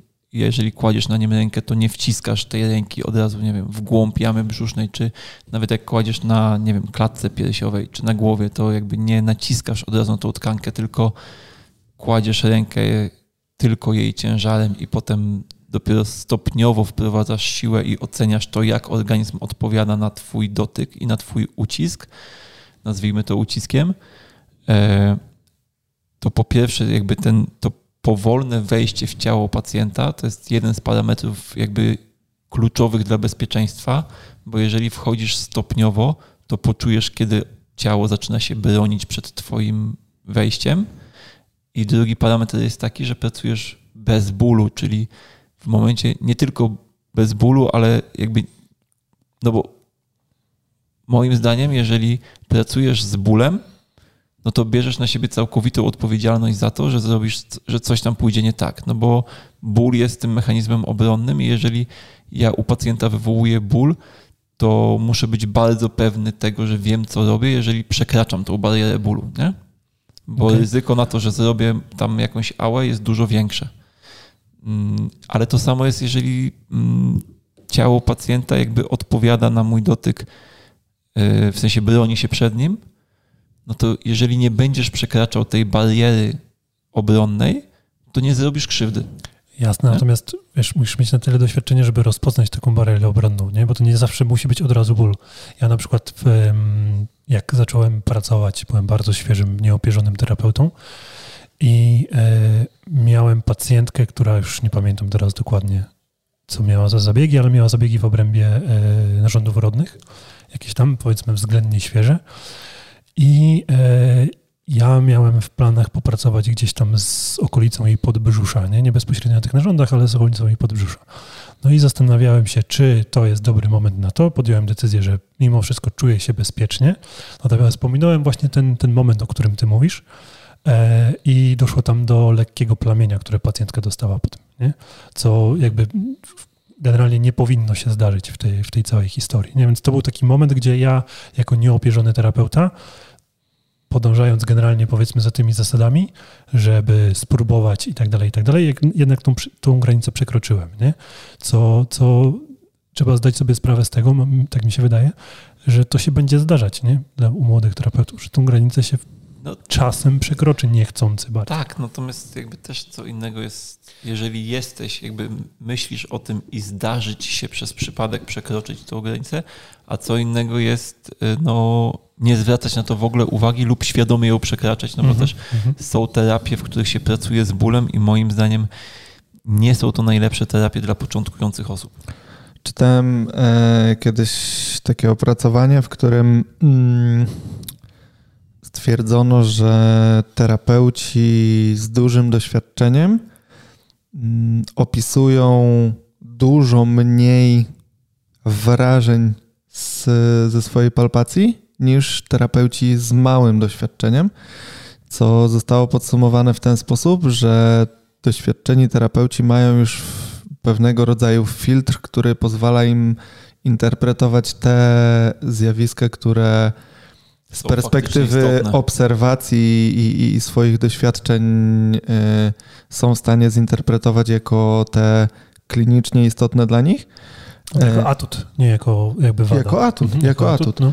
E, a jako początkujący terapeuta nie masz tego filtra i to jest mhm. to, przez co zazwyczaj ta palpacja dąży do tego, żeby coś zrobić mocniej, bardziej, bo mamy wrażenie, że dostarczymy sobie wtedy lepszych jakościowo bodźców, a jest wręcz odwrotnie. Nie? Więc myślę, że to tylko i wyłącznie kwestia cierpliwości i troszkę w pewnym sensie ujarzmienia swojego ego, bo to ono za każdym razem podpowiada, że trzeba coś zrobić mocniej. To, ale i... też wydaje mi się, że wiedza odgrywa tu sporą rolę pod tym kątem, że... No tak, no oczywiście, że wiedza, natomiast wiedza bez zastosowania w praktyce pozostaje tylko tak, wiedzą. Tak, tak, tylko chodzi mi o to, że, że um, u młodych terapeutów jednym z elementów, dla których mi się to nie udaje, jest między innymi to, że brakuje im wiedzy z No tak, oczywiście, że tak. Oczywiście, że Ale tak. Ja bym tu polemizował, czy to ego nie jest tutaj większym czynnikiem, nie? Bo to jest taki... Stary, zobacz, że yy, na przykład sytuacja, którą ja obserwuję często na kursach, nie? Palpacja wyrostków kolczystych kręgosłupa, nie? Bardzo powierzchowne struktury. Oczywiście mogą być zmiennie Mm, zaznaczone w obrębie grzbietu w zależności od napięcia mięśni przykręgosłupowych, ukształtowania krzywizn i tak dalej. Natomiast ile razy obserwujemy, znaczy tutaj nikogo, broń Boże, nie obrażamy, bo też byliśmy w tym miejscu i pewnie też robiliśmy to w ten sposób, ale ile razy obserwujemy mm, młodych adeptów, którzy robią to na zasadzie wciskania tkanek w momencie, kiedy poszukujesz struktury bardzo powierzchownej. Nie? I teraz jak wszystko do tych wyrostków kolczystych dociśniesz z perspektywy powierzchownych tkanek, to informacja, którą dostajesz w ramach swojego kontaktu, to że wszystko jest tym samym pod twoimi palcami. Mm. Skompresowałeś to. Dokładnie. A jeżeli wchodzisz stopniowo, czyli to, co powiedział Kuba, dostrzegasz różnicę między odczuciem swoim z kontaktu ze skórą, a odczuciem, kiedy tą skórę i tkankę podskórną zaangażowałeś na tej strukturze kostnej, jaką jest wyrostek kolczysty, to to jest moment, który daje ci zapewnienie, gdzie ty tą swoją palpacją aktualnie się znajdujesz. Nie? Teraz jeśli pierwsze twoje odczucie z tkanki jest takie, że docisnąłem wszystko i mam odczucie tylko z kości, to masz potrzebę um, upewnienia się, że naprawdę jesteś na kości. Nie? Więc zaczynasz, jak ja to często mówię, dziugać palcami w poszukiwaniu wyrostków kolczystych, które już dawno są pod twoimi palcami. Nie? Mhm. I y, raz, że jest to problematyczne dla nas jako terapeutów, bo nie wyciągamy z tego specjalnie żadnej informacji, a dwa, że są to struktury, do których przyczepiają się często inne struktury anatomiczne i możemy je zwyczajnie drażnić. Nie? I teraz wniosek, jaki z tego możemy wyciągnąć, jest taki, że od jakości tej naszej palpacji zależy to, jakie wnioski diagnostyczne wyniesiemy. I koniec końców może być tak, że poddamy terapii obszar, który wcale tej terapii nie potrzebował, a poddaliśmy go terapii dlatego, że nasza palpacja z założenia, w sensie w ramach procesu weryfikacji jakichś tam naszych kroków diagnostycznych, była błędna, nie? W sensie mhm. takim, że mm, ja często to odnosząc się do Jean-Paula Hopnera, naszego mentora, opisuję z perspektywy tych dwóch aspektów związanych z, pal z palpacją i, i, naszej neutralności w tej palpacji, bo on często mówi o, czy opisuje tą palpację, czy neutralność w palpacji z perspektywy neutralności fizycznej i mentalnej. Nie? Myślę, że nie będziemy mocno rozwijać kwestii neutralności mentalnej, natomiast neutralność fizyczna to jest coś, co kojarzy nam się z ergonomią pracy. Nie? Czyli pozycja pacjenta, pozycja terapeuty, e, nie wiem, chwytu, przyłożenie siły i tak dalej.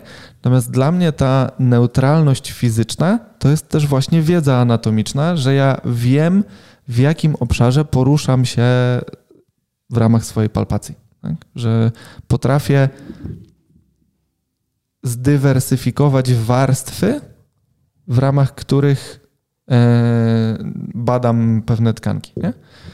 I zachęcam bardzo, bardzo mocno wszystkich do tego, żeby mimo wszystko takie strefy, które stanowią dla nas punkt referencyjny w odnalezieniu się w tkankach pacjenta, dość dobrze sobie z perspektywy anatomicznej mm, przerobić, nie? żeby wiedzieć, jak znaleźć kolec biodrowy tylny górny, żeby wiedzieć, jak znaleźć, nie wiem, wyrostek kruczy łopatki i tak dalej, i tak dalej, bo jeśli nauczymy się tego raz, to to będzie dla nas punkt wyjścia do tego, żeby poszukując innych tkanek, zacząć w miejscu, które jest dla nas dobrze znane, nie? które jesteśmy w stanie. Pewny punkt na mapie po no, prostu. Dokładnie. Potrafisz się zorientować. Nie?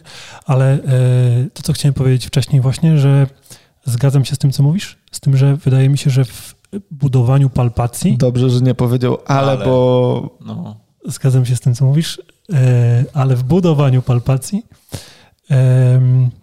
tym czynnikiem, który jest najbardziej plastyczny i najszybciej możesz zmienić, to jest twoja wiedza. No tak, oczywiście. Myśli, że, oczywiście, że tak. Że jeżeli to jesteś, że doświadczenie musi przyjść z czasem, więc wiadomo, trzeba, trzeba wykonywać to, bo inaczej ta wiedza jest rzeczywiście sucha. Natomiast jeżeli chcesz poprawić swoją palpację, to najlepsze, co możesz zrobić, żeby ją szybko poprawić, to po prostu znać anatomię. No, więc ćwiczenia palpacyjne na zasadzie mm, palpowania włosów przez kartkę i inne tego typu rzeczy, one są fajne, jeśli chodzi o odbieranie informacji. Natomiast w dalszym ciągu, jeśli nie masz bazy danych, która pozwoli ci tą informację zinterpretować, są to bezwartościowe informacje po prostu. Tak. I nie jesteś w stanie nazwać czegoś, co właśnie wybadałeś, bo dopóki nie masz w swojej głowie obrazu tego, jak wygląda włos, no to nie zinterpretujesz tego, co wypalpowałeś pod kartką, że to będzie włos, nie? Mhm. Tak. Więc anatomia, moi drodzy. Jak chcemy rozwijać palpację, anatomia jest naprawdę dobrą drogą. I, I to myślę, że ja też wielokrotnie się złapałem na tym, nie? że jaka jest różnica między wykonywaną przeze mnie techniką, jeśli znam anatomię obszaru, w którym wykonuję tą technikę, a y, jak ta technika wygląda, kiedy staram się odtworzyć coś, co dany instruktor mi pokazał. Nie? Przykład wiem, praca z nerką. Nie? Tak wirtualna kwestia.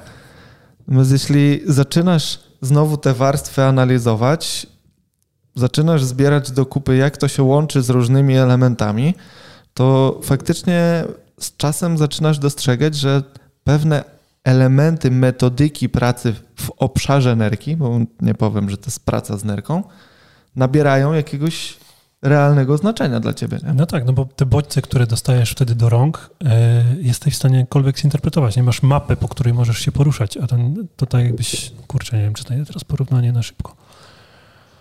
E, no jakbyś się po prostu zgubił w miejscu e, w nowym mieście, nie? Wywieźli cię do nowego miasta i masz teraz odnaleźć drogę i gdzieś się udać, kiedy nie masz bladego pojęcia, co mimo wszystko dostajesz wszystkie te bodźce, bo widzisz wszystko, słyszysz wszystko dookoła, no ale no, Nie masz ich gdzie włożyć. nie masz ich gdzie włożyć zupełnie, nie? I dokładnie tak samo jest właśnie z palpacją. Jeżeli nie masz mapy w postaci anatomii, no to możesz odtworzyć technikę, ale czy to przyniesie skutek, to, to pytanie jest zawsze, nie? Może akurat się trafi. Znaczy, moim zdaniem można pracować bez anatomii i różni ludzie na całym świecie to robią. Tylko faktycznie no, to jest kluczowe, co. E, tylko trzeba pamiętać, że ci ludzie, ci szamani, wiesz, w dżungli amazońskiej, oni od samego początku uczą się inaczej. W sensie takim, W sensie że oni, oni- mają inny, inną perspektywę wiedzową. dokładnie. I nie Oni mają taką tego... swoją anatomię w sensie... Tak, że oni bazują tylko na tym, czy wiesz, czy tu jest twardo, czy tu jest miękko na przykład i czy to się robi miękkie, czy twarde i to im wystarcza. Natomiast to jest jakby cały proces wychowania tego człowieka i jego postrzegania świata i my nie możemy tego przekładać na siebie. I to jest jakby dokładnie to, to co powiedziałeś, to jest najbardziej istotne, że ja uważam, że jeżeli znajdziesz coś, jakieś napięcie u pacjenta i nie do końca wiesz, co to jest, natomiast uda ci się to rozluźnić, super, Natomiast to cię powinno skłonić do tego, żeby zajrzeć do atlasu i zastanowić się, z czym ja pracowałem, nie? Jakby co to było to, co mi się tam pokazało, struktu- jaka struktura anatomiczna tam jest, w jakim ona idzie kierunku, dlaczego może na przykład kierunkiem uwolnienia był ten kierunek, a nie inny i zobaczysz, że następnym razem, jak będziesz tam pracować, znajdziesz podobną rzecz u innego pacjenta, to będzie ci się z tym pracowało zupełnie inaczej, Dużo łatwiej, no. dużo łatwiej. Dokładnie tak. I jeszcze do tego sobie jedźcie czasem na sekcję, jak się trafią dobre preparaty, to jak można sobie dotknąć coś w takim wydaniu mm, sekcyjnym, to, to też zostawia sporo. E, na te sekcje, które ty jeździłeś, te, jak, gdzie to, kto to organizuje? Kto to organizuje? Marcin i właśnie. Łukasz Brzeziński. E, to są świeże, świeże zwłoki? Nie, to świeże, całkiem świeże zwłoki. Tak. Okej. Ostatnio takie płucko dotykałem, że człowieku popłakałem się prawie, jak palpowałem to płuco.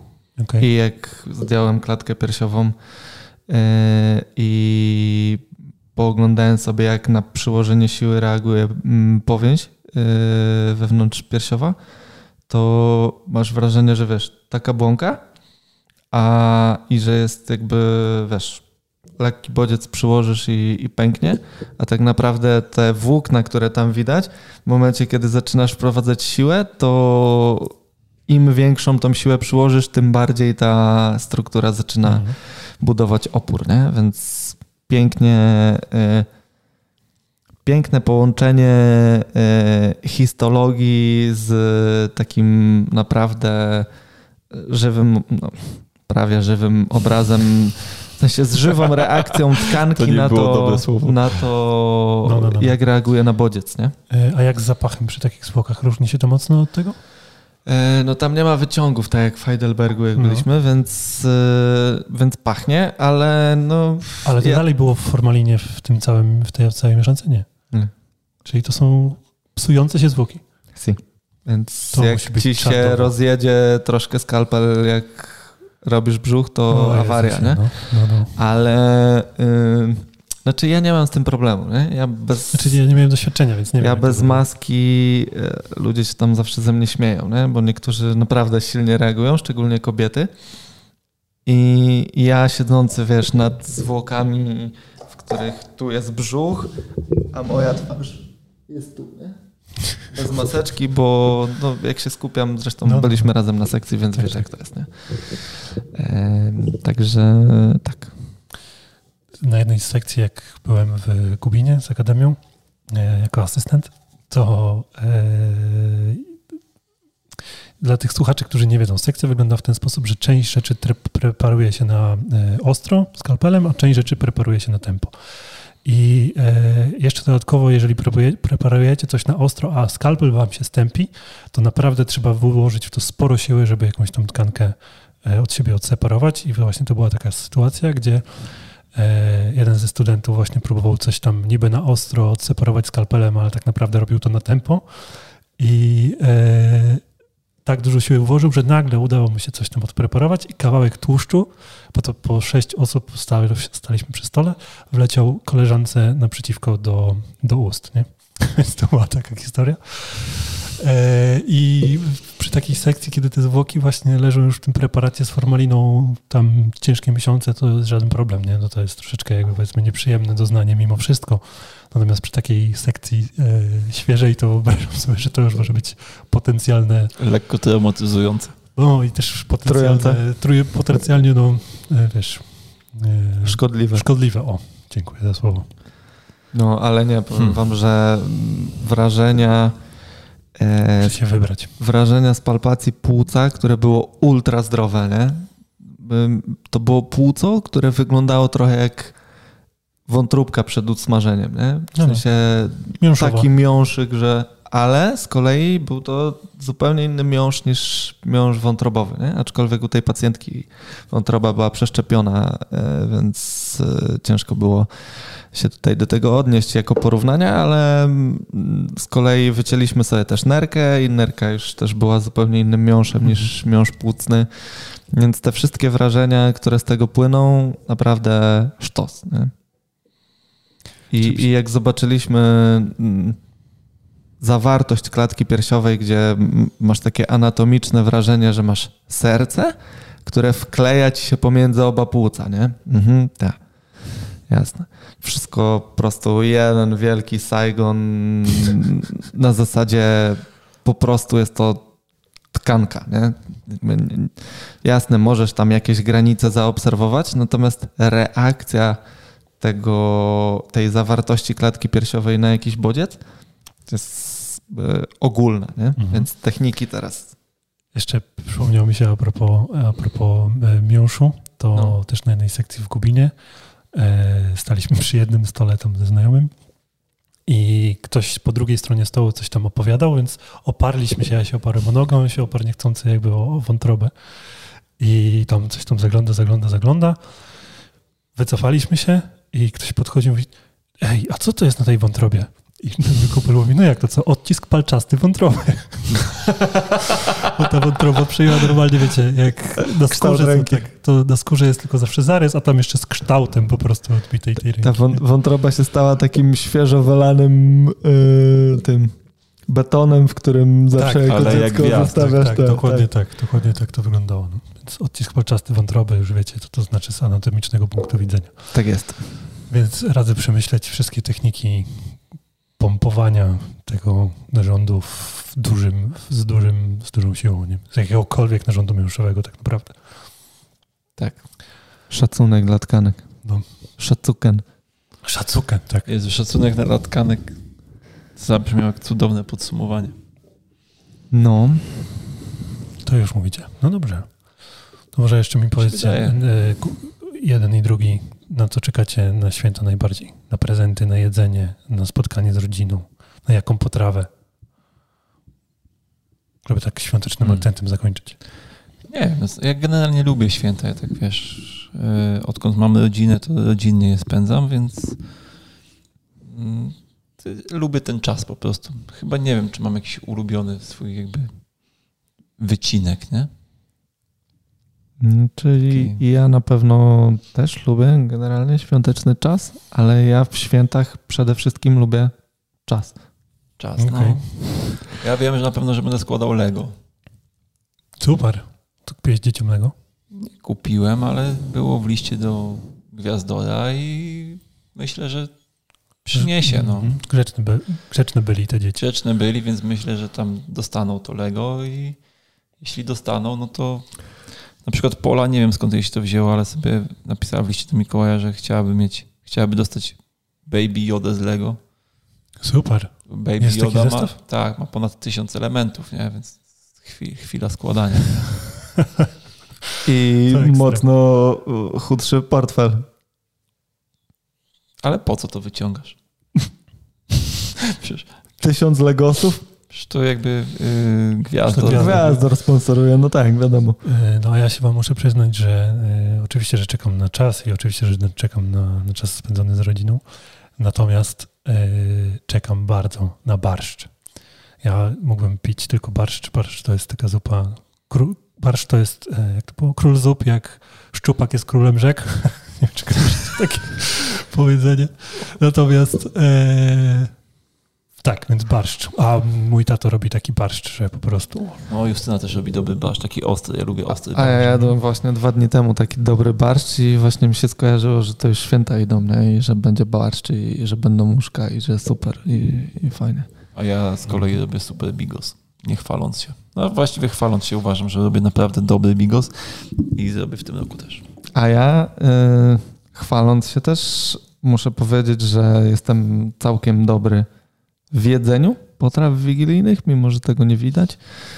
Tej przed nagraniem podcastu Ale kolega. Turczak stwierdził, że mm, ja jestem taką osobą, która się nigdy w życiu nie obiadła. Natomiast to nie ma nic wspólnego z prawdą, bo ja się obiadam dość regularnie. Tylko to się po prostu nie wchłania, więc To jest nie fair. więc czekam na e, święta, na to kłucie w prawym podżebrzu. Bo to jest dla mnie sygnał ostrzegawczy, że jednak na chwilkę Dość. trzeba zbastować, nie? Dobrze, że nie piję od dłuższego czasu alkoholu, to mogę sobie na więcej pozwolić z perspektywy żywieniowej. Dobrze, wątroba ma moce przerobowe, także Tak. O, dobrze. ograniczone, ale zawsze jakieś.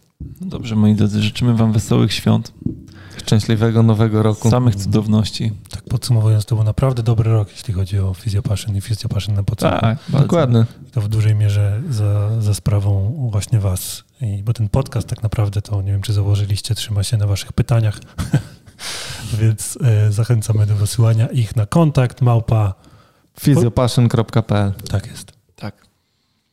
I na wszystkich innych serwisach właściwie, gdzie nie zapytacie, to taką odpowiedź Tak. uzyskacie. Do No cóż. usłyszenia w styczniu. Do usłyszenia w nowym roku. Dokładnie.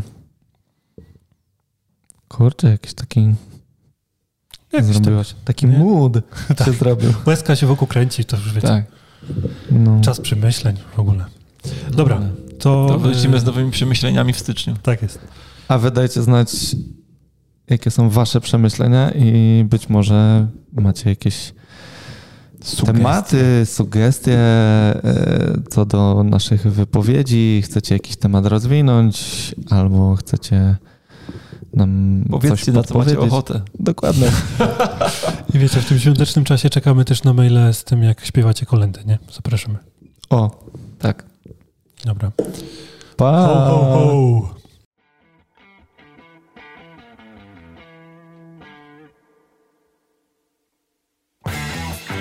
W sensie, Ja że na mogę po- ostatnim Christmas Special gadaliśmy Nie, o... nie gadaliśmy o tym, ale, Ale mieliśmy. mieliśmy chyba w planach, ale potem nam się przyciągnęło. No, i- sposób na przejedzenie jest taki, żeby się nie nawpierdalać, nie?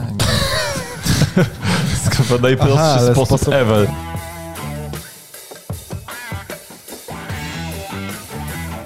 Mieszkalski się jeszcze nigdy nie przejadł, nie? Więc no w ogóle nie No wiem, o czym jest rozmowa. Nie, ja się przejadam dość regularnie, tylko nic z tego się nie wchłania. Mm. Czyli sraczka.